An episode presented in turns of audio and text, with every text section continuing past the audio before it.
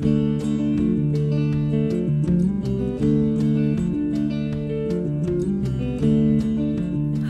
leuk dat je luistert naar de podcast Bakfiets of Backpack.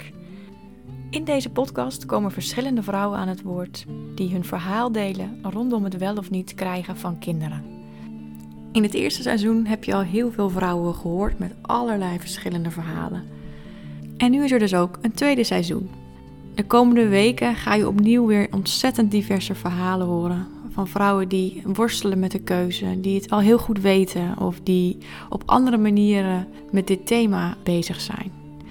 Ik hoop vooral dat de podcast je herkenning en erkenning geeft voor welk pad jij bewandelt. We zijn altijd op zoek naar uh, nieuwe verhalen, dus mocht je je geroepen voelen, schroom dan niet om contact met ons te zoeken. Je kunt ons vinden op Instagram, wel of geen gezin. Heel veel plezier met het luisteren. Um, nou, ik had uh, 13 eicellen, dus dat klonk heel goed. Dan word je na drie dagen gebeld, ik zenuwslopend van, uh, nou, hoeveel zijn dan bevrucht? Uh, nou, nul. Och, joh. Dus dan, Zo.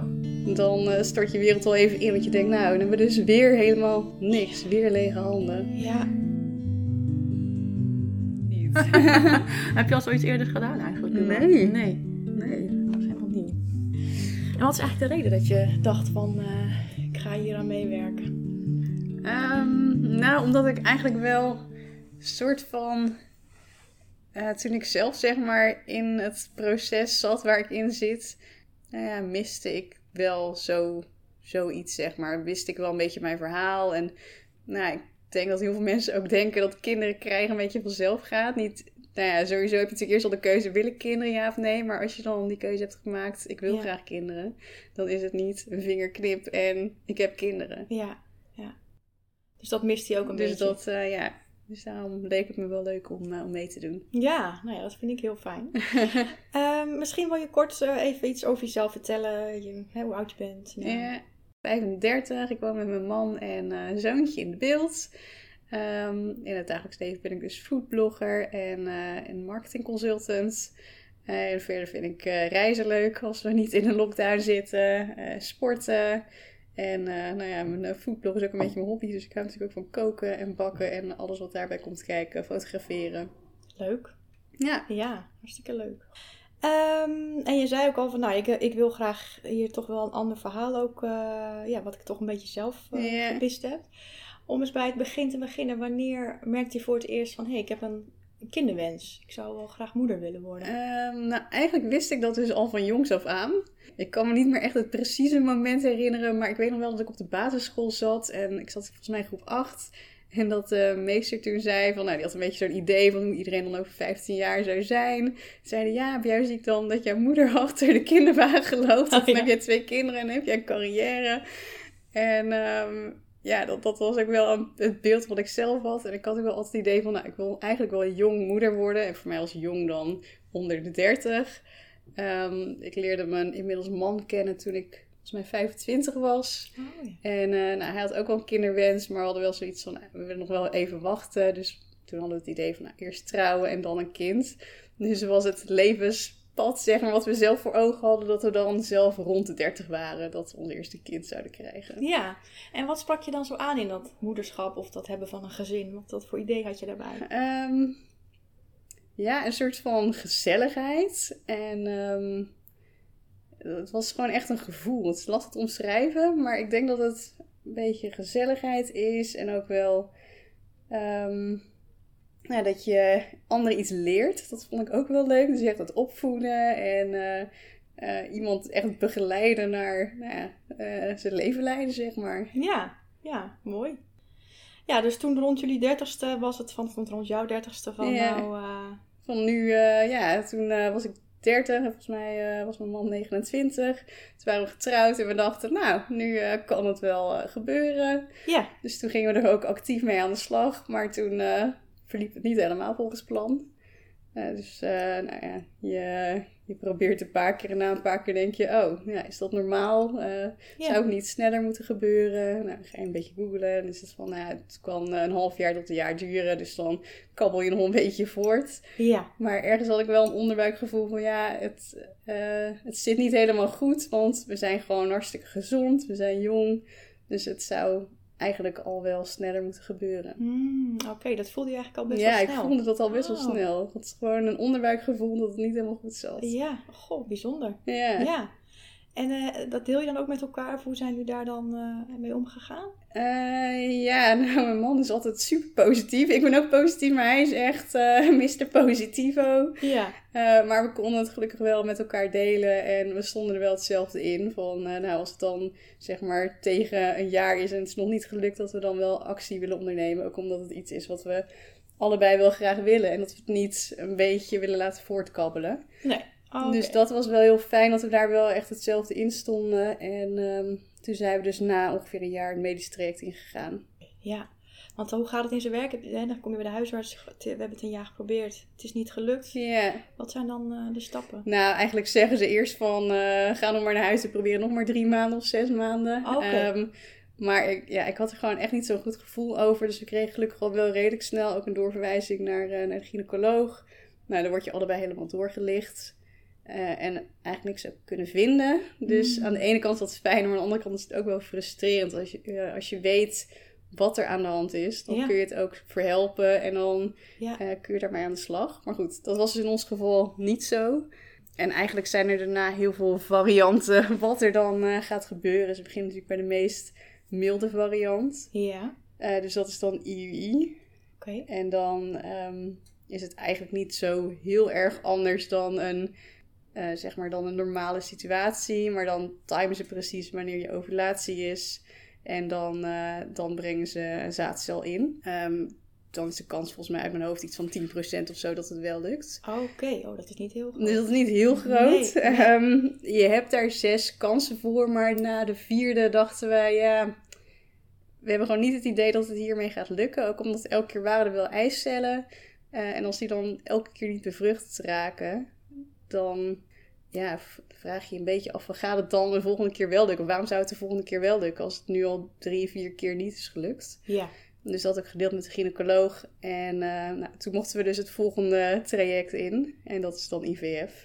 Ja. Ehm, en IVF, dat hebben we één ronde gedaan. En hoe dat eigenlijk werkt, is dat je... ehm, nou, je hebt een eicel en een zaadcel en die brengen ze eigenlijk bij elkaar in een petrischaaltje. En zorg dat je zoveel mogelijk eicellen hebt, want nou ja, hoe meer hoe beter, dan heb je natuurlijk meer kansen. Ehm, nou, en ik had eh 13 eicellen, dus dat klonk heel goed. Dan word je na drie dagen gebeld, natuurlijk zenuwslopend van, eh, nou, hoeveel zijn dan bevrucht? Eh, nou, nul. Och, joh. Dus dan, eh, Zo. dan eh, stort je wereld wel even in, want je denkt, nou, dan hebben we dus weer helemaal niks, weer lege handen. Ja. Maar dan Dus heb dan dus... kon er ook geen IVF-poging plaatsvinden daardoor. Nee, Nee. nee, En je hebt dan eigenlijk na IVF heb je eh, nog een iets ingrijpendere stap. En dat heet dan ICSI. Het lijkt erop en het is min of meer hetzelfde. Alleen ehm, dan brengen ze de zaadcel echt in in de eicel. Ah. Dus het gaat nog net even iets verder. Ja. Dat hebben we ook een keer gedaan. En dan hadden we in Nederland één matige embryo van. Maar goed, we waren al wel super blij daarmee. Want het was natuurlijk verder dan we ooit waren gekomen. Ja. En die ook terug laten plaatsen, maar wel met het idee van ja, het zal wel niks worden. En dat werd het ook uiteindelijk niet. Ehm, nou, dus toen konden we weer terug naar de gynaecoloog. En eh, lang verhaal kort is dat zij eigenlijk zei van ja, we hebben het nu twee keer geprobeerd. Eh, we zien eigenlijk eh, weinig tot geen resultaat bij jullie. Er is niks aan de hand, maar wat we wel moeten doen weten we eigenlijk ook niet zo goed. Hmm. Ehm, dus eigenlijk eh, zou ik niet zo, goed- niet zo goed weten wat we nog kunnen doen. Wat je kan doen is nadenken over eiceldonatie. En ehm, dat was natuurlijk wel echt een keiharde boodschap op dat moment. Ja, want ik vroeg me af dat hele, die hele ja, weg die je dan hebt te lopen met z'n tweeën. Hoe blijf je daar, ja, hoe was je daar mentaal ook onder? Ja, dat is natuurlijk wel echt zwaar. Ook omdat je tegenslag na tegenslag krijgt. Ja. Ehm, het zat in dat traject gewoon echt niet één keer mee, hadden wij het idee. En eh, we hadden ook gewoon een beetje een negatieve associatie op een gegeven moment met het ziekenhuis, met die desbetreffende arts. Ehm, terwijl ja, die kan er op zich ook niks aan doen, maar het was elke keer wel een beetje een, een negatief gevoel. Het was niet dat we er heel positief meer in stonden. Nee, want kon je dan inderdaad nog, nog hoop houden? Of had je ook het idee van, nou, het gaat misschien gewoon echt niet lukken? Um, nou, een beetje van beide. Ik weet wel dat ik ook heel veel heb gelezen en ook ehm, op een gegeven moment grijp je echt alles aan. Dus dan zijn er mensen die zeggen dat, je, dat ze je kunnen helpen. En dat vind ik wel. Nou, ik vind het ergens een kwalijke zaak, omdat ik het idee heb dat het een hele makkelijke doelgroep is. Want in dat geval, als je dat zo graag wil, dan probeer je alles, grijp je alles aan. Er zijn heel veel mensen die je geld uit de zak willen kloppen. Dus er was er iemand die zei: Ja, met olie kan ik je helpen. Dan moet je voor 200 euro een pakket aan uh, essentiële olie kopen. Of dan was er weer iemand die kon je terecht voor 5000 euro aanbieden. Hmm. En gelukkig um, denk je op een gegeven moment wel na en denk je, ja, nee, dat is eigenlijk ook niet wat ik wil. En ik, ik ja, ben dan toch realistisch genoeg om er op het laatste moment niet in te trappen, terwijl je hmm. ergens het wel wil geloven. Ja, die hoop wil je. je ja, je wil ergens hoop op vestigen. En ik heb ook wel uh, acupunctuur gedaan. Ik moet zeggen dat vond ik wel heel fijn, gewoon ook omdat het me rust gaf. Ik heb het wel, ik ben het begonnen met het idee van, nou, het zou de zwangerschap kunnen ondersteunen, het zou kunnen helpen bij het zwanger worden. Maar goed, nou, dat hielp op dat moment niet. Maar het hielp me wel in uh, wat rust creëren. Ja, want je moet ook echt mentaal natuurlijk uh, lekker in je vel blijven zitten. Ja. ja, en dat is natuurlijk zo lastig. Want inderdaad, bij het zwanger worden is het super belangrijk dat je, dat je zelf ook... Um, nou ja, inderdaad, lekker in je vel zit. Dat, uh, dat je er gewoon een beetje positief in staat. maar hoe meer mensen dat tegen je zeggen en hoe slechter het natuurlijk gaat, hoe lastiger dat is. Ja, want wat hielp jou in die periode dat je echt dacht van nou, ik zie het even niet en... Uh...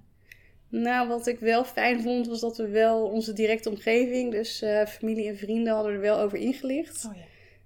Ja, dat is van tevoren wel een beetje een lastige keuze. Dat je denkt van ja, wil ik het wel delen, wil ik het niet delen. Maar uiteindelijk ben ik wel blij dat we het wel hebben gedeeld. Juist omdat je er ook over kon praten. En Um, wat erg lastig was, was dat, dat het ook wel een beetje de periode was dat natuurlijk veel vriendinnen en familieleden ook kinderen krijgen. Ja, en um, ja, dan word je nog eens een beetje neus op de feiten gedrukt. Ja. Maar omdat ze ook wisten wat er bij ons speelde, maakte het het iets makkelijker. Waren mensen er ook wel gevoelig voor, zeg maar. Dus dat ze het ook misschien niet op een hele, nou ja, botte manier of niet op een te directe manier vertelden. Natuurlijk zijn we super blij voor iedereen die dan zwanger is, maar toch heb je ergens in je achterhoofd ook wel het gevoel van ja, dat had ik ook wel gewild. Nou, precies. Ja, en dan heb je al die confrontaties met Ja, precies. En, uh, en uh, baby showers en weet ik het wat. Ja, ja.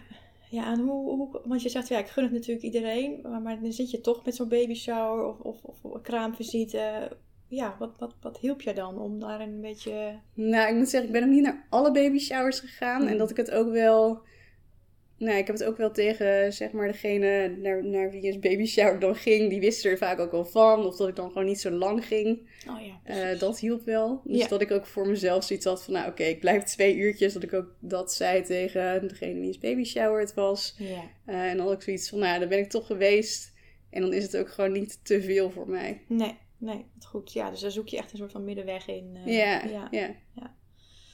Ja joh, jeetje. Dus, dus dan, dan kom je terug bij de gynaecoloog. Boodschap, ook dat is niet, uh, niet Nee, dat was, dat was echt uh, het meest shocking moment, denk ik, van het hele traject. En ook, uh, ja, ik barst natuurlijk in tranen uit. Als je dat op dat moment hoort, van denk maar na over eiceldonatie. Sowieso is het al lastig omdat je het idee hebt van het ligt aan mij. Dat is natuurlijk um, zoiets een soort van oerinstinct en ook wel iets wat uh, biologisch gezien zou moeten kunnen. En als je dan denkt, nou ja, dat kan dus blijkbaar bij mij niet, hmm. dan is dat nog extra confronterend. En ook omdat je het dan je partner wel gunt. Um, nou, ik vond het wel echt lastig. Ja. Dus die boodschap, dat, uh, nou ja, dat was wel hard. Um, Wanneer kreeg je dat, deze boodschap? Hoe lang is dat geleden? Het is nu, denk ik, twee jaar geleden. Twee, drie jaar geleden. Ja ja, drie jaar geleden, denk ik. Zo, ja. Um, nou ja, en eerst ben ik helemaal depressief. En um, ja, we waren allebei ook wel positief ingesteld. Dus is er dan toch niet een oplossing? Dus toen ben ik gaan googlen van, is er dan niet een optie in het buitenland? En ik had wel van mensen eerder gehoord van, nou, België of Duitsland, daar kan dat... Uh, nou, er is de zorg gewoon net wat anders en daar hebben mensen andere resultaten met uh, fertiliteitsbehandelingen. Um, nou, toen ging ik kijken op internet en toen dachten we, nou, misschien moeten we breder kijken. In heel Europa op zich uh, is alles wel redelijk dichtbij. Ja. En toen kwam ik uiteindelijk uit bij een kliniek in Spanje. Ehm, en zij hadden echt de allerbeste resultaten. Ik heb alles eh, vergeleken en eh, nou, dat zag er goed uit. Uh, dus toen hebben we een, uh, een, telefoongesprek ingepland en eigenlijk al vrij snel daarheen gegaan. Oké. Okay. en daar hadden we gewoon een heel goed gevoel bij. En ik denk dat dat ook heel erg heeft geholpen in het hele proces. Want A, um, nou, het is gewoon een privékliniek, dus het voelt niet als een ziekenhuis. Want het is ook geen ziekenhuis. Het voelt gewoon alsof je nou, bij iemand in een soort uh, luxe villa op uh, visite Mm. bent. Ja. Um, je krijgt heel veel persoonlijke aandacht. Ja, het is logisch dat je dat hier in Nederland niet krijgt, want de zorg is gewoon duur. En elke keer als je erheen gaat, schijnt de zon, kan je lekker eten. Voelt het toch een beetje als vakantie. Ja, ook een soort van andere bubbel die je dan met z'n Ja, tweeën precies, instapt. hè? ja, ja. weg, weg van je Ja. Leven. Ja, ik Ja. denk dat het echt heeft geholpen. Dat het echt een heel andere omgeving was. Ja. En ik merkte dat we er elke keer veel positiever in stonden dan dat we hier eh, waren. Ja. Dus dan ben je daarheen gegaan, voor laten lichten wat de mogelijkheden Ja. zijn. En, en wat is daar dan anders dan hier in Nederland? Nou, een aantal dingen zijn anders. Eh, dat ze A, dus meer tijd hebben. Dus dat betekent ook dat ehm, nou, de arts vrijwel alles doet, maar dat er ook meer onderzoeken worden gedaan. Eh, dat ze alles monitoren, dus van je bloedwaardes tot aan ehm, nou alles wat ze eigenlijk kunnen monitoren. Ehm, ze hebben betere apparatuur, duurdere apparatuur, omdat ze dat gewoon kunnen financieren. Ehm, andere medicatie. Er is ook meer mogelijk in Spanje qua wet en regelgeving. Zijn ze iets experimenteler. In Nederland zijn ze best wel terughoudend. Ja. Dus dat zijn allemaal kleine dingetjes, maar dat alles bij elkaar, dat maakt toch dat dat net het verschil kan maken. En dat zagen we ook al best wel snel. Oh ja? Ehm, ja, want we gingen al snel over op, eh, op de eerste behandeling. Ja. Eh, en toen hadden we ineens drie goede bevruchte embryo's, want dat hadden we in Nederland nog nooit gehad.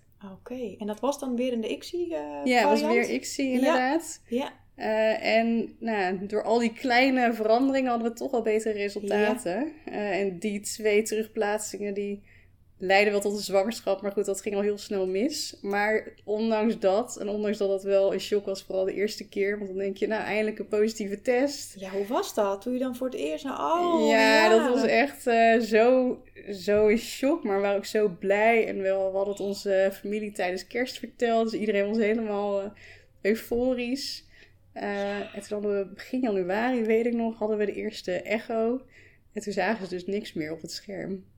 Dus dan ben je ook wel echt ja, zo verslagen. Maar tegelijkertijd ook wel met het idee van, nou, zover zijn we nog nooit gekomen. Dus Ja. je houdt er ook wel iets positiefs aan over. Ja, het gaf ook hoop van, hé, Ja. hey, dit is dus blijkbaar mogelijk. Het is wel mogelijk, Ja. ja. Ja, want die echo was je dan met acht weken of zo? Had je Ja, met inderdaad zeven, acht weken. Ja. Ja, ja. Goh, jeetje.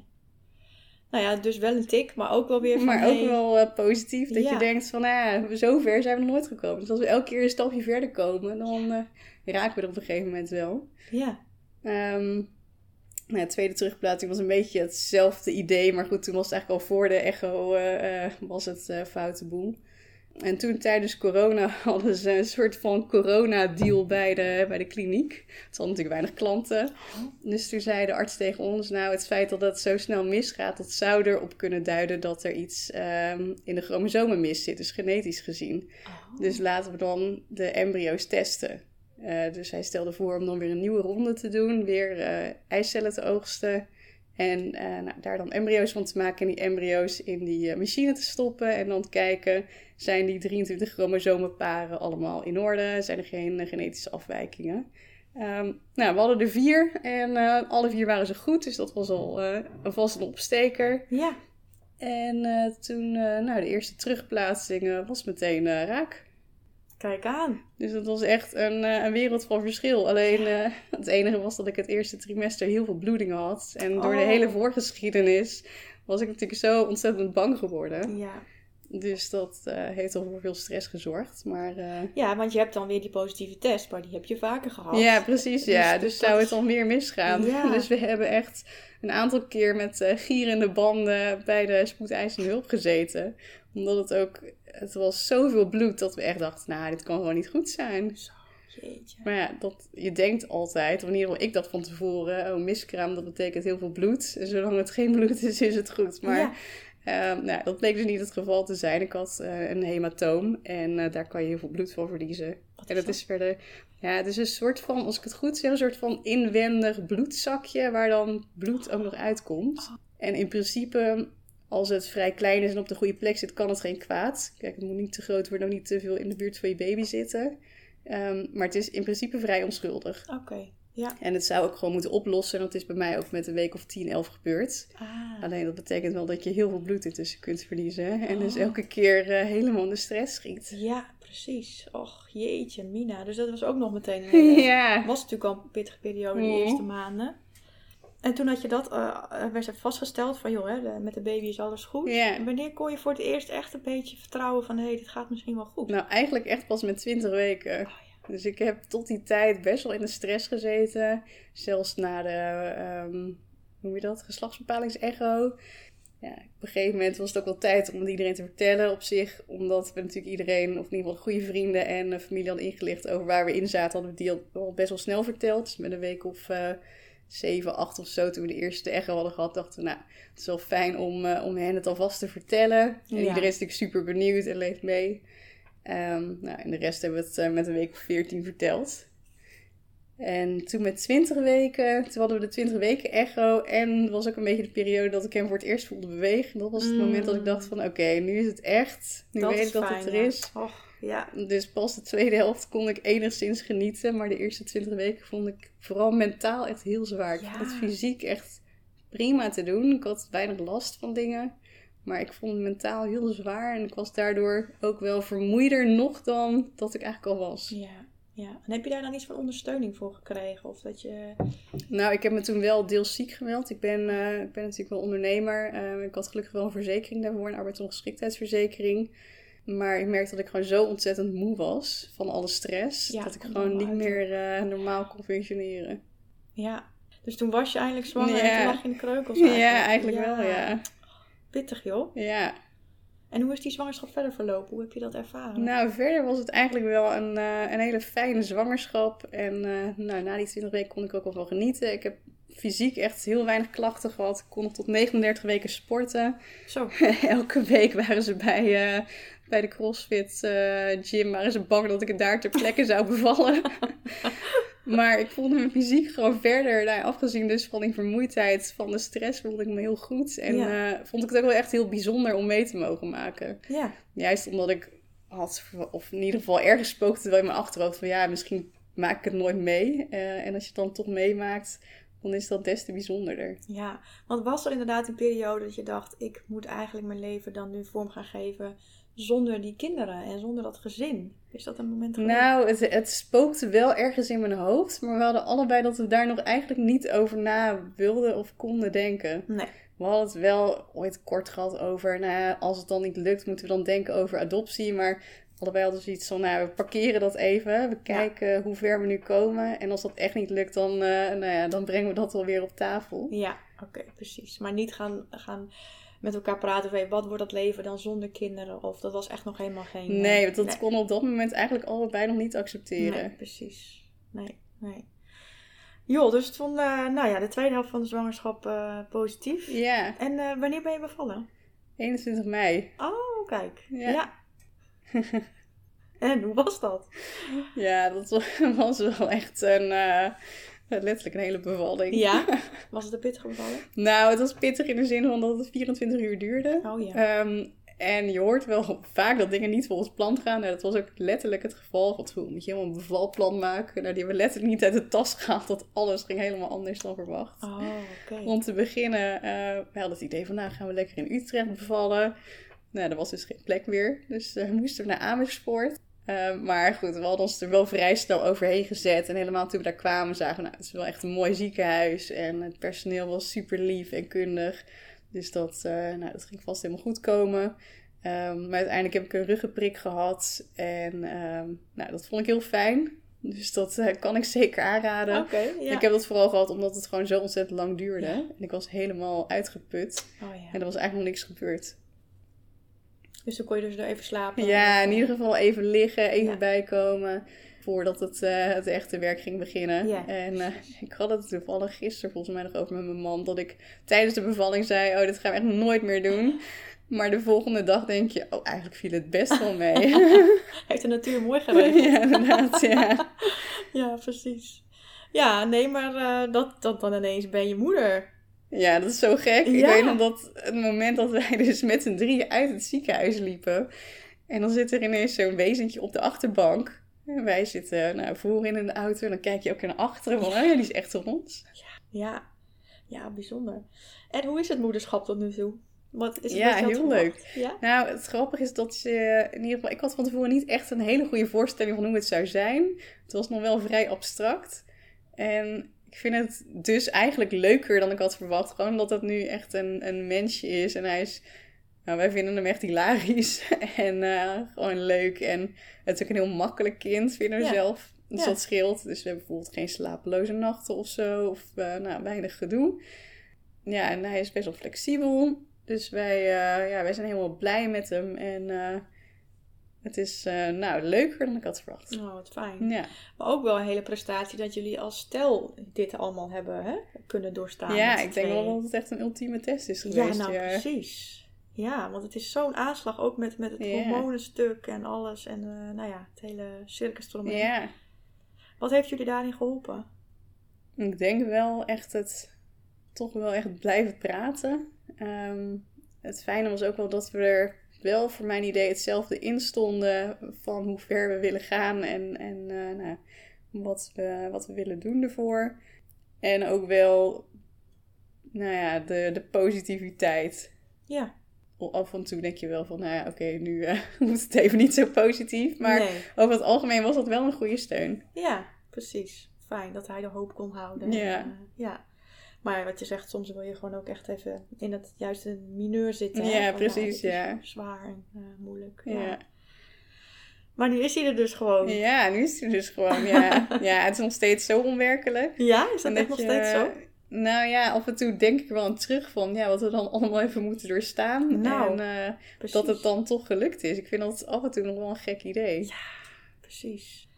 En in de toekomst, hoe ziet jullie, uh, wens om, nou ja, gezinsuitbreiding? Of... Ja, we zouden het wel leuk vinden als hij nog een, eh, een broertje of zusje krijgt. We hebben sowieso nog drie embryo's in de vriezer. Oh, die liggen daar nog. ja. Oh, ja. ja, dus dat is ook wel een beetje een gek idee. Van, ja. die, uh, die zijn er nog gewoon. Dus als we daar aan toe zijn, dan kunnen we die gewoon weer... Oh, dus dat blijft gewoon... ja. ja. Ja, dus daar betaal je dan een jaarlijkse fee voor. En dan onderhouden zij ze, zoals ze dat dan noemen. Jeetje, bizar. ja. En dan op een gegeven moment als je zoiets hebt van nou, nu uh, is het moment al gepasseerd, dan uh, kan je ze doneren aan bijvoorbeeld de wetenschappen van iemand anders. Of oh. uh, laten vernietigen. Zo.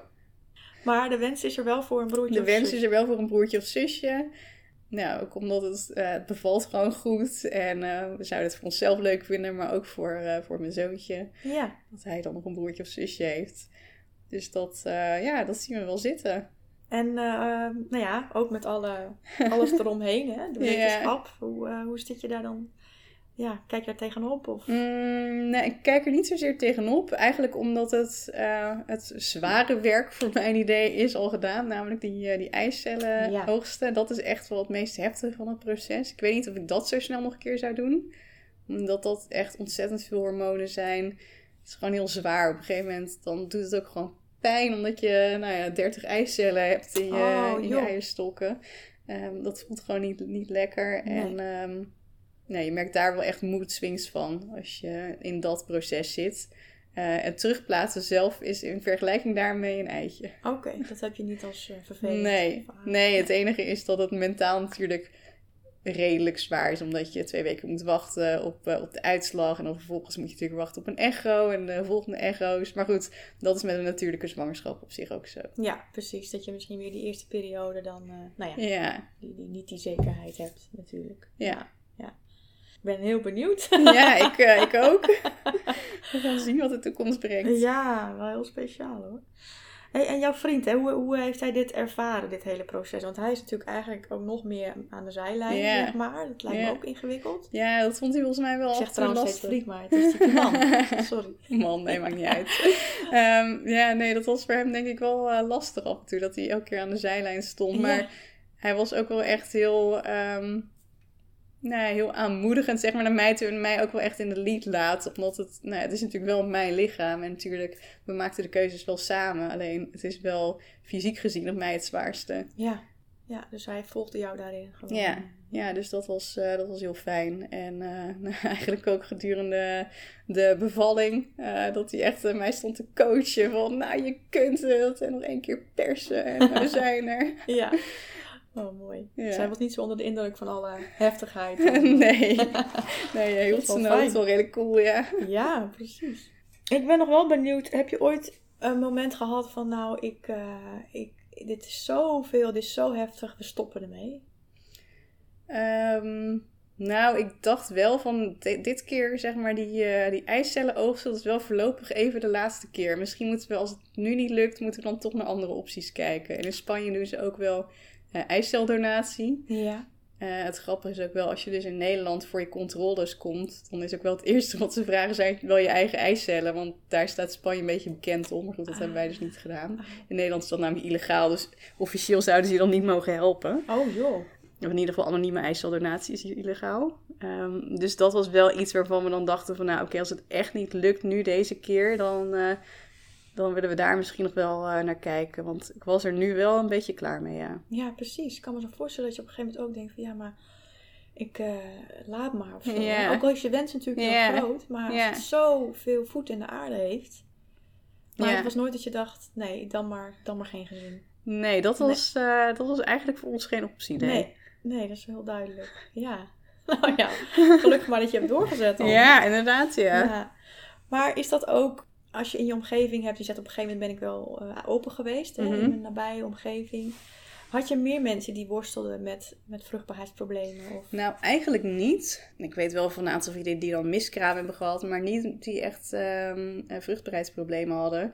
Het grappige is wel dat ik het op een gegeven moment ook op Instagram heb gedeeld toen ik eh, mijn zwangerschapsaankondiging deelde. En ik kreeg echt zoveel berichten in mijn inbox. Van allemaal mensen waar ik het dus niet van wist. Zo. En die, die dan hun verhaal wel durfden te delen. ehm, die ook om advies vroegen, eigenlijk van alles. Dat is toch een beetje taboe. Hoe komt En- dat eigenlijk? Ja, dat vind ik ook wel eh, lastig om te beantwoorden hoe dat komt. Ja.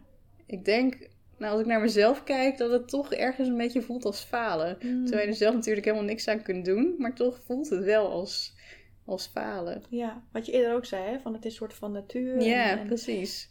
moeder worden en ja, voortplanten is een soort van, eh, ja, waar je lijf dan eh, toe in staat zou moeten Ja, zijn. ja, en als dat dan niet lukt. Ja, ja oké. Dus falen en dan met daarmee wat schaamte. Of, of- Ja. ja. ja, en misschien ook wel omdat we gewend zijn dat je bijvoorbeeld tot het tweede trimester wacht met het delen.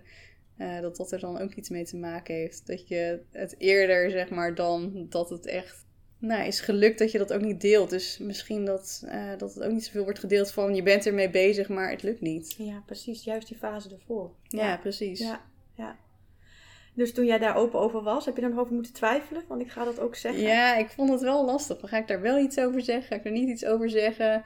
Ik vond het raar om er niks over te zeggen. Omdat ik dacht van ja, het, het heeft ons zoveel moeite gekost. En om dan te doen alsof er niks is gebeurd. Of nou ja, eigenlijk is er wel wat gebeurd. Maar om te doen alsof het gewoon eh, vanzelf ging. Ja, dat voelt gewoon niet goed. Nee. Juist omdat we er zoveel moeite voor hebben gedaan. En wat ik ook wel dacht is, misschien geeft het anderen ook wel een soort van steun. Of kunnen anderen de kracht uitputten door te weten van het gaat inderdaad niet altijd vanzelf. Nee, precies. En dat dat ook eh, misschien helpt om daar met elkaar eens over te hebben. Ja, precies, ja. En dat het juist geen taboe moet zijn. Nee.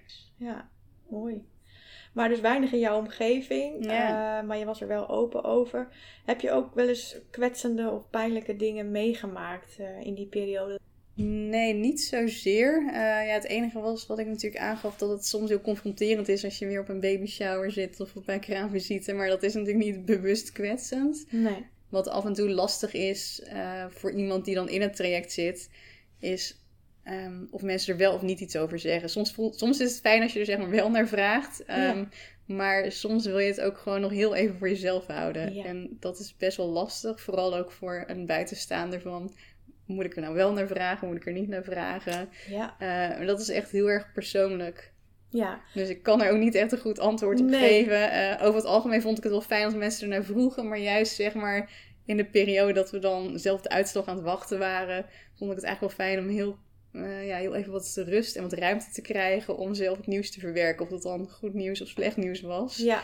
Dat we dat heel even zelf konden verwerken. Ja, en ik kan me ook voorstellen dat, je ook, dat er ook fases zijn dat je er even niet mee bezig wilt zijn. Omdat Ja, dan op een gegeven moment precies. zo'n grote rol is in je leven. Ja, en dat vond ik ook wel lastig inderdaad. Op een gegeven moment dan gaat het wel alles een beetje overheersen. Ja, En ook juist omdat je het hebt gedeeld, nou, dan gaan mensen er naar vragen en dat, dat is heel fijn. Alleen je wil inderdaad ook wel dat je ook nog meer bent dan alleen nou, dat. precies. Ja. ja, ook met elkaar als stel en ook eh, in de inderdaad. omgeving. Ja. Dus er is niet iets wat je kan zeggen, joh, als je iemand in je omgeving hebt die je inzit, eh ja, ja, doe dit vooral niet of doe dit vooral wel. Nou, ik zou vooral interesse tonen. Eh, wat je vooral niet moet doen is tips geven van misschien moet je even op vakantie, misschien moet je even ontspannen. Ehm, ja, dat waren wel inderdaad in het begin dingen waarvan ik dacht, ja, nee, dat gaat echt niet helpen. Het is niet alsof we dat niet hebben geprobeerd. Nee. Dus eh, goed bedoelde adviezen, die, eh, die zou ik even Gewoon overslaan. Nee. Eh, ik zou vooral echt interesse tonen en kijken hoe het met iemand is. En misschien juist ook af en toe voor afleiding zorgen. Ja, ja, dus eigenlijk gewoon ook checken van waar, waar heb je behoefte aan. Ja, En, precies. Ja. En als er nou vrouwen luisteren die, nou ja, die, waarbij het gewoon echt niet lukt, hè? dus die daar Mhm. in het proces zitten van, nou, weer teleurstelling, weer ongesteld geworden. Is er iets wat je daarin zou kunnen meegeven of, of jou heeft geholpen daarin? Nou, we zijn zelf op een gegeven moment lid geworden van de Patiëntenbelangenvereniging, Freya. Ehm, en die brengen ook een magazine uit en die geven advies. Ehm, dat vond ik wel fijn ook, dat je andere verhalen leest. Ja. En ook hoe andere mensen ermee omgaan. En wat ik ook als advies wil geven is dat je nou ja, meer opties hebt dan, dan dat je denkt. Eh, en als je het wil afsluiten is dat natuurlijk ook helemaal prima. Maar als je denkt, ja, ik wil toch nog iets proberen. eh, er zijn dus mogelijkheden in het buitenland. Ja.